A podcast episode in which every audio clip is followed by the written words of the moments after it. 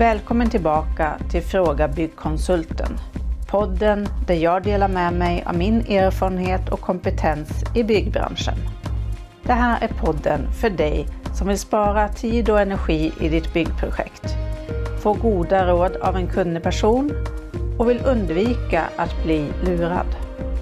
Gå till frågabyggkonsulten.se och ta chansen att få svar på just dina frågor.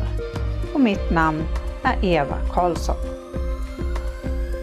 När du ska bygga om, bygga till eller bygga nytt så behöver du skicka in ritningar till kommunen för bedömning. I förra avsnittet pratade vi om situationsplanen. I det här avsnittet kommer jag fortsätta med fasad-, plan och sektionsritningarna. Det är viktigt att ritningarna uppfyller kommunens krav. På kommunernas hemsidor finns det oftast exempel på hur ritningarna ska vara utformade. Ritningarna ska ha en ritningsstämpel och det är som en innehållsförteckning där du beskriver vad ritningen visar, vem som har ritat den, vilket datum och vilken skala den är utförd i. Alla ritningar ska vara utförda i skala 1 på 100. Och glöm inte att lägga in en skalstock så att man kan kontrollera olika mått.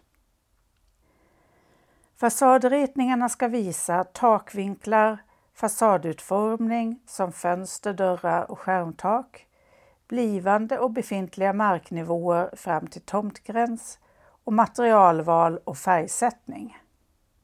Om du ska ändra på marknivån ska du redovisa både marken som den ser ut idag och hur marken kommer se ut när den är färdig. Du kan använda streckad linje för befintlig mark och heldragen linje för ny mark. Redovisningen ska sträcka sig till fastighetsgränsen eller till den punkt där den nya marknivån möter den befintliga marknivån.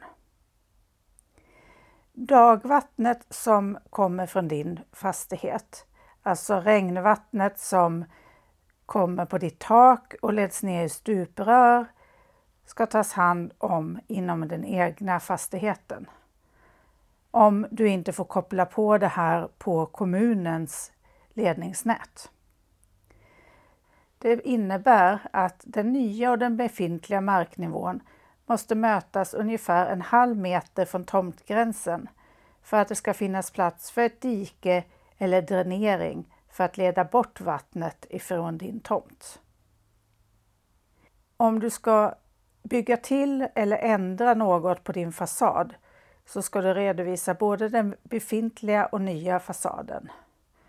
Och glöm inte markera det som är nytt. Fasadritningen ska ju stämma överens med planritningen. Det är ju det som är hela grejen med att visa ombyggnation eller nybyggnation på olika typer av ritningar. Din planritning ska visa olika rum och vilka funktioner de har. Det ska visa väggtjocklekar, fönster och dörrar och trappor om det är flera våningar och hiss om det är flerfamiljshus.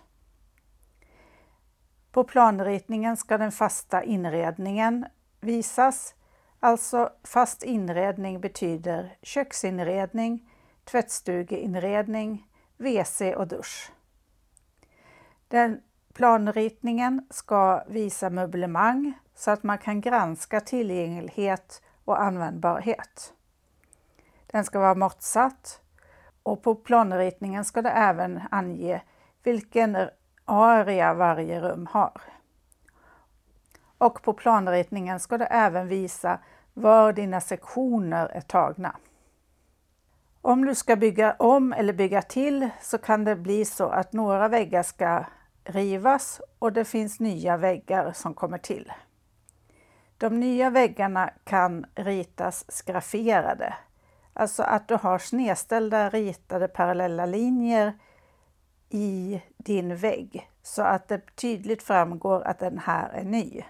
Och de väggar som ska rivas kan markeras som streckade och lite ljusare så att man ser att det är där som kommer försvinna.